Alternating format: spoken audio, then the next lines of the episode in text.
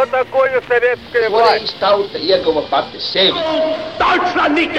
Liktenīgas nejaušības un slēptas likumsakarības, subjektīvas patiesības un objektīvi aizspriedumi.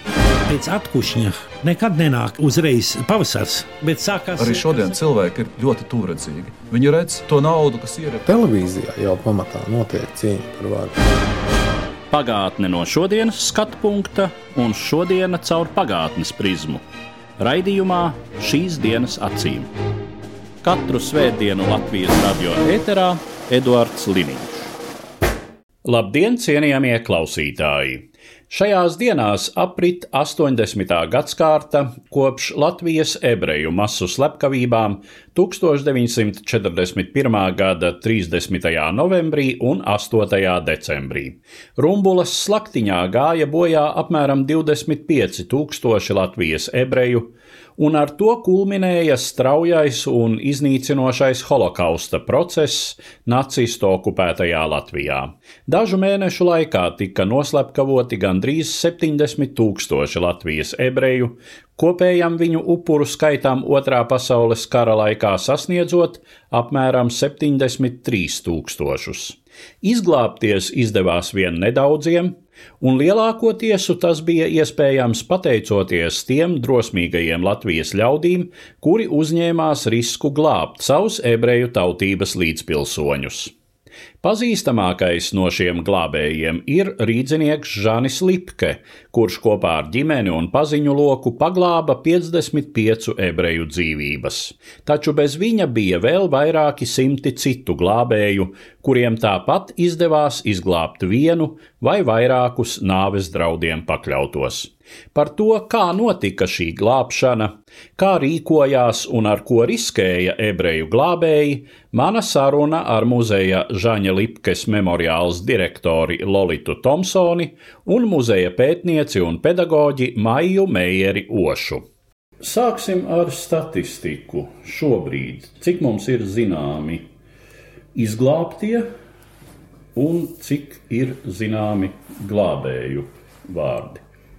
Par glābējiem mēs atsaucamies uz eh, vēsturnieku un Rīgas geto ieslodzītā Maģera Vestermaņa lielo mūža pētījumu, pie kā strādā viņš arī ir mūsu muzeja pētniece Anita Jēnču.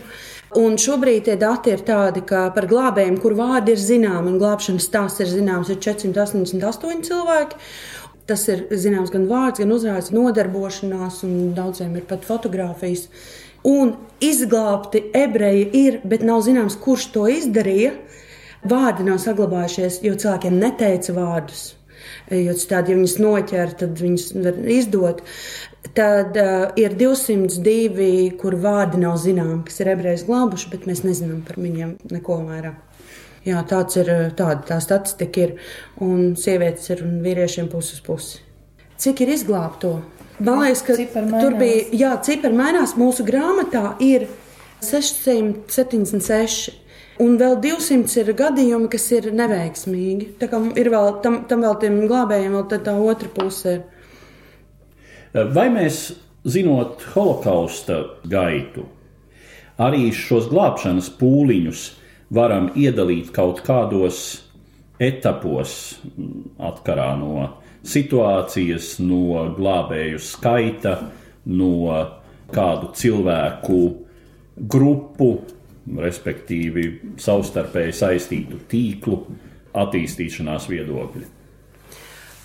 Pirmkārt, jāatcerās, ka nacistu okupācija Latvijā notiek ļoti ātri. Ja divu nedēļu laikā ir visa Latvijas teritorija, kas ir diezgan liela, ir okupēta, tad ebreju iznīcināšana sākas uzreiz jau jūlijā, jau burtiski ar pirmajām arī nacistu okupācijas dienām.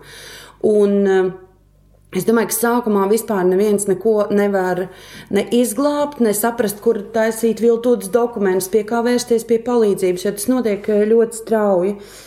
Ir daļa, kas mūk kopā ar padomju varu, zinot jau un saprotot, kas notiek ar ebrejiem nacistu okupācijas režīmā.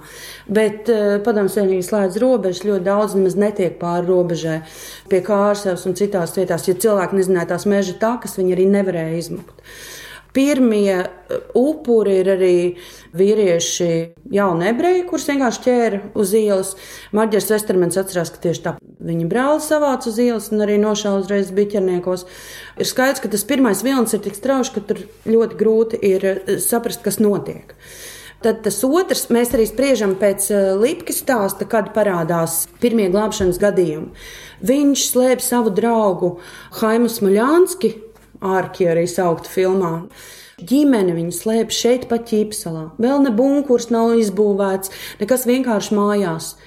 Un tā situācija ir tik bīstama, jo viņam ir divi mazi bērni, Smaļānskim ar sievu ka bija skaidrs, ka viņus izdos, vai kaimiņi, vai dzirdēs. Viņa arī izstījās, viņam pēc ārienu bija tāda ebrejiska. Uh, un uh, viņi izlēma, ka ir vieglāk un drošāk atgriezties Rīgas geto. Jo tur viņi ir Maskavas ielā, savā dzīvoklī, geto viņiem apkārt, jo nav jau skaidrs, ka viņus, nu, ka tas viss beigsies drīz pāris mēnešu laikā rumbulā ar masu slepkavībām. Un tad Žāņa pirmais tas gadījums, kad viņš izglābja Smaļānski jau vienu pašu, ir, ka diemžēl viņa bērni, sieva, sievas māte ir visi rumbulā nogalināta, un tad Džons palīdz Smaļānskim beigt vēl vienreiz jau no Rīgas geto no darba. Ir skaidrs, ka tas glābšanas sākums principā notiek 41. gada novembris, decembris, kad ir skaidrs, ka tas tiešām beidzas ar nāvi, kad ir tās visas masu slepkavības. Bet um, tas ir ļoti atkarīgs, protams, arī no kurā pilsētā. Māja vairāk zinās par uh, aizputi, par liepāju, par kurzemi, jo māja to ir daudz pētījusi. Bet par Rīgu runājot, arī kādas atmiņas mums ir. Frīds Mihelsons atmiņas mēs redzam, kā tas uh, pamazām notiek. Vēl ir skaidrs, ka tādā brīdī, kad karš iet uz beigām, un ir tie nu, nedaudzie pāris simti izdzīvojuši ebreji, kur vai nometnēs ir vai citur, Arī vietējo attieksme pret ebrejiem ir mainījusies. To arī Marģis Vestermans saka savā intervijā, tad, kad kurzemē jau 44. gadā vai 45. gada jau pavasarī, kad viņi slēpjas mežā, tur ir izbēgušie cilvēki, viņiem atstāja maizi un kartupeļus. Jo arī vietējie iedzīvotāji jau ir cietuši nacistiskā režīmā. Es domāju, viņi daudz vairāk varbūt arī var izjust līdzjūtību un kaut kādu vēlēšanos palīdzēt šiem cilvēkiem un arī varbūt paglābt, paslēpt. Sākotnēji droši vien daudziem attieksme pret nacistu okupāciju bija katrā ziņā pozitīvāka nekā pret padomju okupāciju. Nu, vienkārši padomju režīms sevi jau bija pietiekami parādījis. Nacistus nu, mēs zinām šo sagaidīšanu ar puķiem.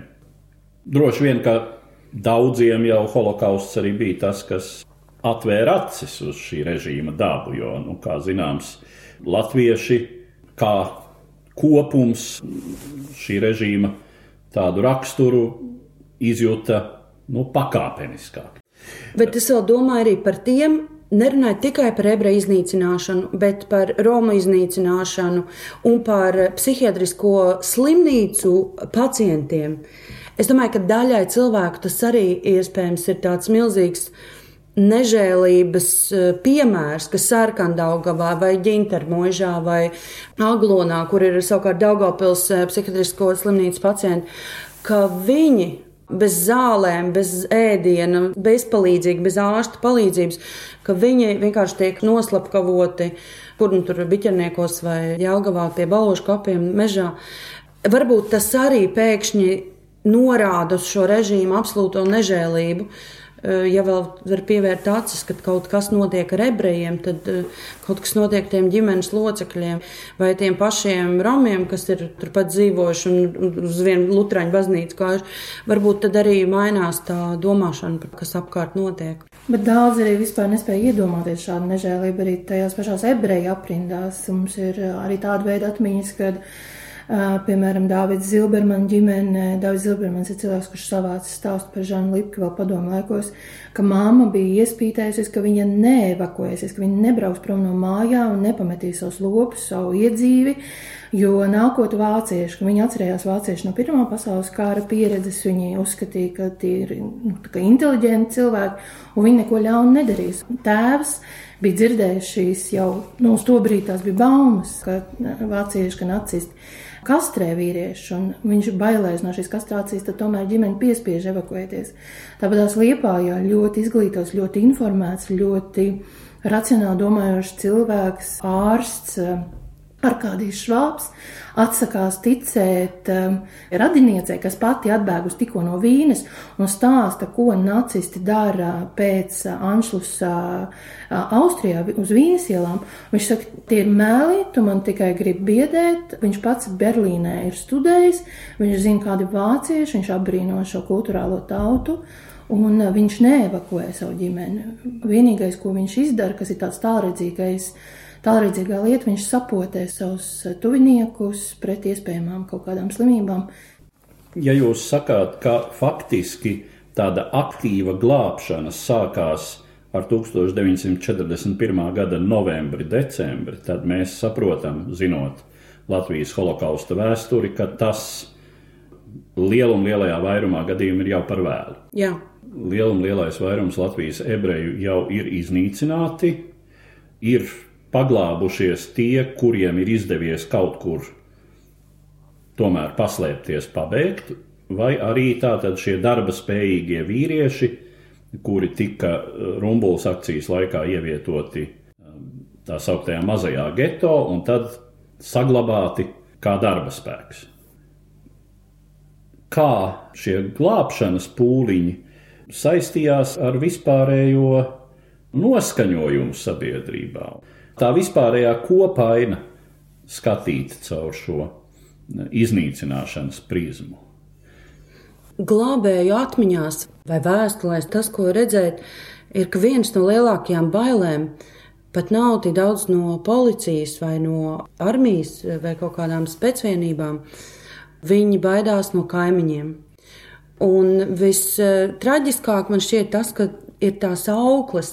Ebreju ģimenēs ir bijušas latviešu auklas, Un ka viņas mēģina tos bērnus pasargāt un paglābt, melojot, ka tie tur man ir radinieki tur no laukiem vai vēl kaut kas. Un tie, kas to zina, viņi ziņo par šiem gadījumiem policijai.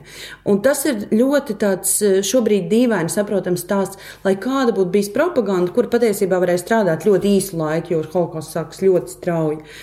Pat tad, ja mēs domājam, Kad cilvēkiem tiek iestāstīts, ka, protams, visi ebreji ir tur bolševiki piedalījušies izsūtījumā. Protams, neviens nerunā par to, ka vispār ebreji arī tika izsūtīti 41. gada Staļina deportācijās un tam līdzīgas lietas. Bet, ja tu tā uzskati par nu, sievietēm un vīriešiem, saviem tur ebreju kaimiņiem, par tiem bērniem, tas man liekas, ir īpaši traģisks. Uh, Latvijas vēstures tāda labs puse tieši tas, ka stučī nu, ka nodod tos, uh, kurus mēģina slēpt. Nu, tieši tādas kalpones, auklas, dakteri, vēl kaut kādā veidā mēģina tos bērnus pastargāt. Tas man šķiet ir uh, kaut kāds tāds būtisks pavērsiens. Tas, ko man gribētos atcerēties, ka tie Latvijas cilvēki, kuri glābi ebrejus, viņi ir uh, gan no inteliģents zemnieki un strādnieki, ir neliels procents garīdznieku, katoļu garīdznieku glābi ebrejus. Tas ir uh, būtiski, cik ļoti ebreji bija integrēti, nu, kur bija vienās skolās, vai koros, orķestros, ārstu praksēs, viskaut kādas tādas lietas, jo tad tev ir tev ir kāds, ko tu vari uzrunāt, lai palīdzētu. Vēl ir sētnieki, jau arī tie, kas tur tās dzīvības atslēgas rokās vai nāves, tāpēc, ka viņi ir gan tie, kas var pateikt, ka tajā pagrabā vai tajos bēniņos jūs varat palikt. Es neko nezinu par jums, bet uh, uz mirkli. Un ir tie, kas, protams, nodod tos, kas mēģina slēpties. Vēl Man šķiet arī būtiski pieminēt, ka ebreji, kad viņi meklē šīs slēptuves, lai izglābtu vienu ebreju vai vienu ebreju ģimeni, ļoti retos gadījumos tas ir viens cilvēks, nu, kad cilvēks nonāk pie līpkas vai nonāk pie sadula, un tur viņi arī ir līdz kara beigām. Pēc Valentīnas Frēmanas, piemēram, pēc daudziem citiem, pēc Frīdas Mihelsons, piemēram, mēs redzam, cik ir vajadzīgi, iejūtīgi, atsaucīgi, reizēm arī nežēlīgi cilvēki, kas nu, pieprasa vergu darbu un pēdējo naudu un visu, lai viņus paglābtu. Bet cik daudz ir vajadzīgi cilvēki, lai to vienu cilvēku izglābtu? Tāpēc tas glābēju skaits arī neatspoguļo reizēm. Mēs varam runāt par glābšanas gadījumiem, tādu ir vairāk nekā 700, 200 no tiem beidzas traģiski, un cilvēki tiek atrasti, nodoti. Bet eh, man liekas, tieši tas, ka Tas nav tāds viens pret vienu. Tas nav tā, ka, lai izglābtu vienu ebreju, bija vajadzīgs viens atsaucīgs eh, Latvijas cilvēks vai kāds latvietis, kas viņa kaimiņš bija. Tas... Nu jā, par bērniem runājot, piemēram, arī kad sākās tās glābšanas, ja lasa Elmā Rīvoša atmiņas par Rīgu, tad viņam bērniņu piedāvā paslēpt tieši auklīti. Tajā brīdī, nevis, kad viņus kaut kur ved uz rumbulu, bet tajā brīdī, kad viņš ir spiesti iet uz geto, ka jau tajā brīdī ir šie piedāvājumi, es paslēpšu tavu bērnu, un tad mēs varam iztēloties, ko tas nozīmē vecākam. Kaut kur atstāt savu bērnu. Un Rivošs sievas gadījumā viņa teica, ka nē, ka manam bērnam būs tāds liktenis kā man. Tāpat arī par to, kur tad ņemt to ebreju, ko glābt. Ne jau visiem bija šīs tuvās attiecības, bet, piemēram, krūmiņu ģimene, kas izglāba tēvu un dēlu presus, Viņi jūt šo netaisnību, to, kas notiek uz ielām, viņiem tas šķiet amorāli, pretīgi, un arī tas, ka viņi uz to noraugās bezdarbībā, ka tas viņiem ir nepieņemami, un ka ir šī iekšējā vēlme vismaz kādam palīdzēt, bet kam tu palīdzēsi? Un tad kaut kur, kaut kā viņi atcerās, mēs taču pazīstam ārsta presa ģimeni, es pazinu viņu sievu, mēs kopā mācījāmies itāļu valodu, mēs varētu piedāvāt šim tēvam un dēlam vismaz bēgt. Tā kā ir dažādas šīs reakcijas, un arī vēl viena lieta, protams, ir neapstāties pie Rīgas stāsta, jo bieži vien mēs tik labi zinām šo Rīgas stāstu, man liekas, nu tā notika visur. Bet, piemēram, Liepājā viss notiek atžgāni, kur ebrejiem ļauj dzīvot uh, savās vecajās dzīvokļos līdz pēdējiem mirklim. Viņus uz masu nošaušanu izrauj ārā no viņu pašu dzīvokļiem, naktī tev bungā pie durvīm un Diemžēl tā ir latviešu valoda, ko viņi dzird. Ir šis viens iespējams vācu ierēdnis, kurš tad norāda, bet, bet tie, kas sagūsta, tie, kas iedunkā, vai tie, kas dažreiz mēģina izvarot daļas meitenes, ja, šie cilvēki runā latviešu valodā. Un viņi tiek savākt no savām siltajām mājām, aizdzīti kā pēdējie noziedznieki līdz sieviešu cietumam. Tur viņiem liek atstāt visu viņu mantas, viņiem liek nodot dzīvokļu atslēgas, un tādu viņus kraus mašīnās iekrauj kā tādas nu, mēbeles un vedu šo masu nošaušanas vietu, un tikai tad vēlāk tiek uh, veidot šis geto. Un tajā mirklī līdz šiem masu slepkavībām daudzi saprotot, uz kuru pusi šis velk, Viņi jau ir sarunājuši kādu, kas palīdzēs, vai arī paši organizējuši. Nevajag arī domāt, ka ebrejs stāv, redz šīs šausmas, kas notiek apkārt, un vispār nereaģē uz tām. Bija pietiekami daudz cilvēku, kas saprata, tā tad mums ir jāveido kādi bunkuri, mums ir jāveido kādi konservu krājumi, mums ir jādodas, piemēram, uz tām vietām, kur liepais gadījumā notika kādas cīņas, tur var atrast kādu ieroci, mums ir jābūt gataviem pasargāt sevi, un dažos gadījumos arī viņi līdz pēdējiem cīnās par savu sievu, par savu bērnu, par vispār, par, nu, ja viņš ir vienīgais vīrietis, kurš palicis dzīves, viņš cenšas paglābt arī tās sievietes, kas tad ir nokļuvušas viņa aprūpē. Un tur vēlāk notiek šī satikšanās ar to glābēju, un tas ir vienmēr tāds brīnumains mirklis, kad atmiņās tu lasi, kā tad viņš cīnās līdz pēdējiem, un kurā brīdī parādās šis glābējs, ne ebrejs, kuram dažreiz pieprasa par to samaksu. Dažreiz eh, paglābt, tāpēc, ka nu, sieviete lūdz palīdzību, protams, izlīdzēsim. Jā. Dažreiz jāapelējot pa vecām kaimiņu būšanām, kolēģu būšanām, vai, nu, es taču esmu tavs ārsts vai vēl kaut kas. Eh, no abām pusēm varēja nākt šis impuls, lūdzu palīdz man, vai es tev varu palīdzēt. Puisēnas jomas gadījumā mēs tikko šifrējām intervijas Liepājā tieks paslēpts. Un viens puika, kur jau ved uz šķēdi, nošaut. Pirmā reizē viņu paglābi, beidzās tā akcija, viņus izglāba. Otru reizi viņi atgriežas savā mājās, un atkal viņas, protams, savāca uz to nošaušanu šķēdi. Un viņš izmūg pie kapsētas. Viņš vienkārši aizskrien, izlaiž. Tā, tur ir viņš vairākos, tur, ja klausās, tad tur ir piedzīvojuma romāns, protams, ar trīs mirkļiem, kur gan arī viņus nogalina. Pirmā ir, kad nāk visiem pakaļ, bet uh, iejāja, kā viņš saka, iejāja vācu virsnieks un saka, kas strādā fabrikā, tie nāk man līdzi. Un viņa māma, lai gan viņa nevienu dienu nav bijusi fabrikā, viņa arī iet līdzi ar visiem bērniem. Uh, tad viņa izglābjās pirmoreiz. Otro reizi viņam atkal nāk pakaļ, un mamma ieklēdzās lec, un viņš izlaiž no otrā stāva loga un izglābjās. Vienīgais no ģimenes paliek. Un tad iedomājieties tāds nu, Krievijas tas sauc bezprizornieks, tāds iela puika, tad viņš tur iet vēl pie kaut kādiem klases biedriem un slēpjās un glābjās. Un pēdējo reizi, kad viņu atkal pieķēra, un tad viņš atkal mūka. Nu, tā ka... Viņam sašauta kāja. un viņš iet pie mammas latviešu draudzenes. Kā viņa sauca? Viņa sauc Anna Ēvele. Divreiz viņa viņu paglāba kādās tādos brīžos, kad viņš ir vienreiz viņam ir sašauta kāja, viņa atrada viņam dakteri. Viņa viņu paslēpa desmit dienas, kamēr beidzās akcija, un 11 gadīgu puiku varētu teikt, izmet ārā atkal. Bet viņa ir tieši tas, ka tās desmit dienas ir izšķirošās. Viņa nevar, viņai nav citur, kur viņa slēpj. Viņa slēpj pagrabā un nes tur ēdienu. Jau bērni. Jā, tiešām. Un tā kā tev to intervijā stāsta, tas izdzīvojušais puika, tu saproti, cik ļoti nozīmīgs ir bijušas arī tās, tās diena vai tā nedēļa, kamēr viņa, tā mammas latviešu draudzene, lūk, paslēp viņu pagrabā. Un uh, viņš pēc tam stāsta, ka pēc kara viņš izdzīvo nometnēs. Viņš bija Liepājas geto un Štuthofā smags viņam tas ceļš. Bet, kad viņš atgriežas atpakaļ, viņš arī stāsta, viņš vienmēr ir pie viņas nācis un nesis torti, un viņi sēdējuši. Nu, mēs, viņš zaudējis visu ģimeni, sieviete ir zaudējusi savu draugu patiesībā, un tas ir kaut kas tāds, kas viņus savieno. Un visu laiku viņš atrod vietas, vai nu kur paslēpties, vai nu kaut kādu viltotu dokumentu. Viņš strādā rūpnīcā. Un tu domā, ka tas ir tāds cilvēks ap 20, un tikai pēc tam, nu, pēc tam gadiem skatoties, tas ir puika. Viņam ir 11, 12, 13 gadi. Viņš ir vienkārši pusaudzis, kas tam visam iziet cauri. Rezumējot par šiem motīviem, droši vien, ka visbiežāk tie bija individuāli motīvi, tātad tā bija pazīšanās, tuvāka vai tālāka, draudzība, daudzos gadījumos. Tāds motīvs, kas var būt tiešām morālas dabas, tātad man nav pieņemams tas, kas ar šiem cilvēkiem tiek darīts. Nu, un privātas ieinteresētības motīvi, ka ebreji maksāja, atdeva savas vērtslietas par šiem glābšanas. Nu, vai sieviete seksuāli izmantoja, un tā bija tā pateicība. Arī. Bet ir arī piemēri Daugopilī bija Pauls Krūmiņš, kas bija gan konservatorijas pasniedzējs un um, direktors, un viņš glābi audzēkni savu 22 gadu veco, bijusi, bijušo audzēkni, nu, viņas vecāko māsu Cecīlija un Naģežda Sāra Gradis. Viņš viņām pasniedza vijoļu spēli. Bet tas interesantākais ir, ka viņš viņus mēģina glābt. Viņš slēp viņus savā mājā. Viņš viņam sagādā viltotus dokumentus. Kāda sieviete pasnodaļā vienalga atpazīst, ka tās ir ebrejietes.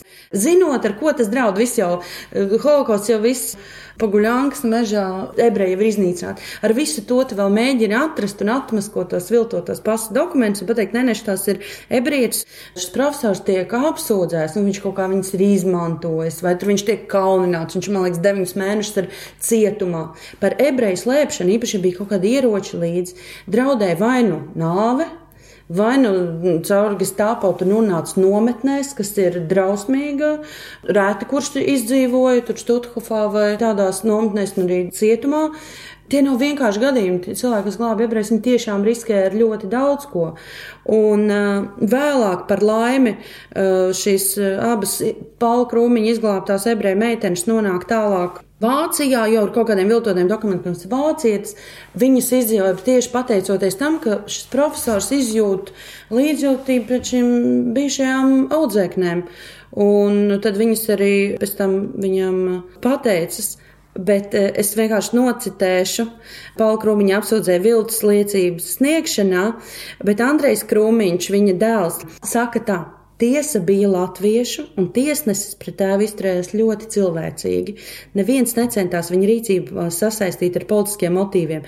Lielākā daļa sabiedrības klusībā jūta līdzi un ļoti labi saprata, ka viņš pelnīs nevis tiesāšanu, bet ļoti dziļu cieņu. Viņa tāpat notiesā, bet vismaz tā attieksme nav tik drausmīga, kā viņš tiek vazāts pavīzēm tajos laikos. Vēlreiz, kas draudēja vai bija tāda strikti kodificēta sodu sistēma par ebreju slēpšanu, glābšanu, palīdzību. Cik lielā mērā līdz ar to šie glābēji apzinājās, kas viņiem draud? Nu, bija publikācijas ar drausmīgiem nosaukumiem. Žīd žēlotāji cietīs žīdu likteni. Tad tas jau ir atklāts draudz, ka, ja tev ir žēl tos, ko mēs vajājam, nākamais esi tu. Austrum Eiropā vispār daudz, daudz negantāk nacisti uzvedās, kā piemēram Rietum Eiropā pieķerot, ka kāds klābi. Standarta situācija būtu arests, iespējams pat visas ģimenes aizturēšanu. Polijā, Ukrainā, Baltkrievijā noteikti ir gadījumi, ko uz vietas arī nošauja bez nekādām tiesām. Tāds spilgts piemērs, ko par skolēniem es pieminu, ar ko riskē Žanis, es eh, stāstu stāstu no aizputes, kur pieķer, pieķer tikai bunkuru ar komunistu literatūru, ja, un pieķer eh, tos glābējus. Pašs ebrejs nenotver, ebreji vēlāk izdara pašnāvību, un tad savienojot divi ar divi, tātad šie četri pašnāvību izdarījuši ebreji visdrīzāk tur arī slēpās, tad arestē lielāko daļu ģimenes. Astoņi cilvēki cenšas glābt, Kaut kāda iemesla dēļ divi netiek sodīti, bet sešas sodā vienu nošāva uzreiz pēc gada tajās pašās nelaimīgajās šķēdes kāpās, kas arī kalpoja par nāves vietu lielākajai daļai liepais ebreju. Un pārējos aizsūta, no es to saucu lēnā nāve, kur tev formāli, protams, nepiespriež šo nāves spriedumu, bet tev aizsūta dzīvot tādos eh, apstākļos, kur Piemēram, Štuthovs vēsturnieki ir sarēķinājuši, ka bez kaut kādas palīdzības, ja tu neko nenorganizē, ja tu nenozodz kādu kartupelīti, un ja tev nav nekādas paciņas, tu maksimums pusotru mēnesi šajā drausmīgajā koncentrācijas nometnē spēj izdzīvot. Un tā arī notiek. No visas šīs ģimenes, no glābējiem, tiem, kas aizpatniekiem izdzīvo viena sieviete, un viņi izdzīvo tiešām brīnumainā kārtā.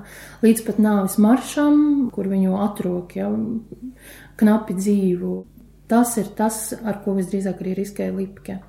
Un, protams, Rīgas gadījumā tā ir Anna Alma Pola, kuru gan spīdzina, gan nogalina par to, ka viņa glāba ebrejs, ka viņa slēpa. Ir gadījumi, kad tādu vai citādu apstākļu dēļ iekrītot, tomēr izdodas tikt vieglāk cauri. Jā, teiksim, Ludmils Notiņa, kura bija Elmāra Rīvoša mīļotā sieviete. Elmārs Rīvošs bija skulptors, viņš taisīja no porcelāna arī dažādas figūriņas. Viņa ģimene bija Rīgas geto.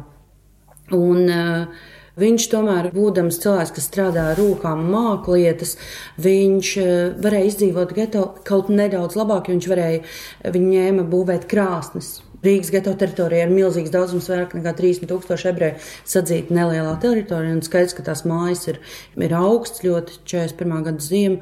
Un viņš bija, teikt, viņš bija tas praktiķis, kurš varēja palīdzēt. Līdz ar to viņa ģimeni savāc un aizdzems drumbulu. Viņš atnāk mājās, viņa gaida tikai suns, jo viņš pats bija darbos aizsaukts. Viņš saprot, ka viņa ģimene viss nogalināta, un viņa mamma un bērni un sieva. Un viņš tagad saprot, ka vienīgais veids, kā viņš vispār var izdzīvot, ir bēgšana.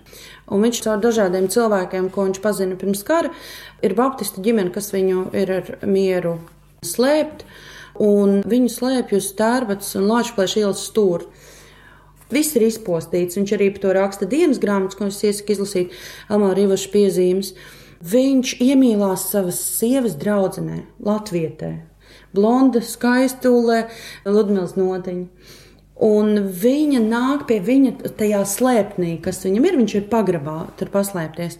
Un um, viņa nāk viņu ik pa laikam apciemot. Un kāds to pamana? Nu, viņu nes arī tur ēdienu, un tā. Viņš viņam raksta vēstules katru dienu. Tas viņam palīdz izdzīvot. Un kāds ir to pamanījis? Un viņu aizsauc uz stāvos pratināšanu, kas būtu visdrīzāk beidzies arī ar nometni. Un tas pratnētais, tomēr, nē, nu, viņa ir tik skaista sieviete, nu, tik tāda inteliģenta un jauka. Nu, nevar būt, ka viņa ir kaut kāda ebreju kaut kur, un arī nu, viņa zina, ka lielākā daļa ebreju nogalināt vispār, vai nu ir spaidu darbos vai rumbulā. Kaut kā viņai izdodas pārliecināt, ka nu, viņa ir ebreja, nu, tā nekādā ziņā. Un tad viņa atgriežas, kad jau viņš domā, ka, kas ar viņu ir noticis. Viņa pēc kara apprecās viņiem eh, piedzimst meitiņa, bet nu, viņš pēc visām tām kara mokām pār pārzīmēm viņam ir diezgan īsts mūžs. Nu, redz, viņai izdevās tikt vaļā. Un, un arī par to baptistu ģimeni, kas turpat blakus dzīvo, un arī viņam palīdz. Bet to redz, arī neviens neuzzina. Viņi kaut kā tā iemanās palīdzēt, ka viņiem izdodas nepamanītiem. Tas risks ir milzīgs, protams. Līdz ar to izskan pirmā puse no manas sarunas ar muzeja Žaņa Lipkes memoriāls direktori Lolitu Tomsoni un muzeja pētnieci un pedagoģi Maiju Meijeri Ošu. Mūsu sarunas otro daļu klausieties trešdien, 8. decembrī, pēc pulksten trījiem pēcpusdienā. Uz redzēšanos, cienījamie klausītāji! Katru svētdienu Latvijas radio viens par pagātni sarunājas Eduards Liniņš.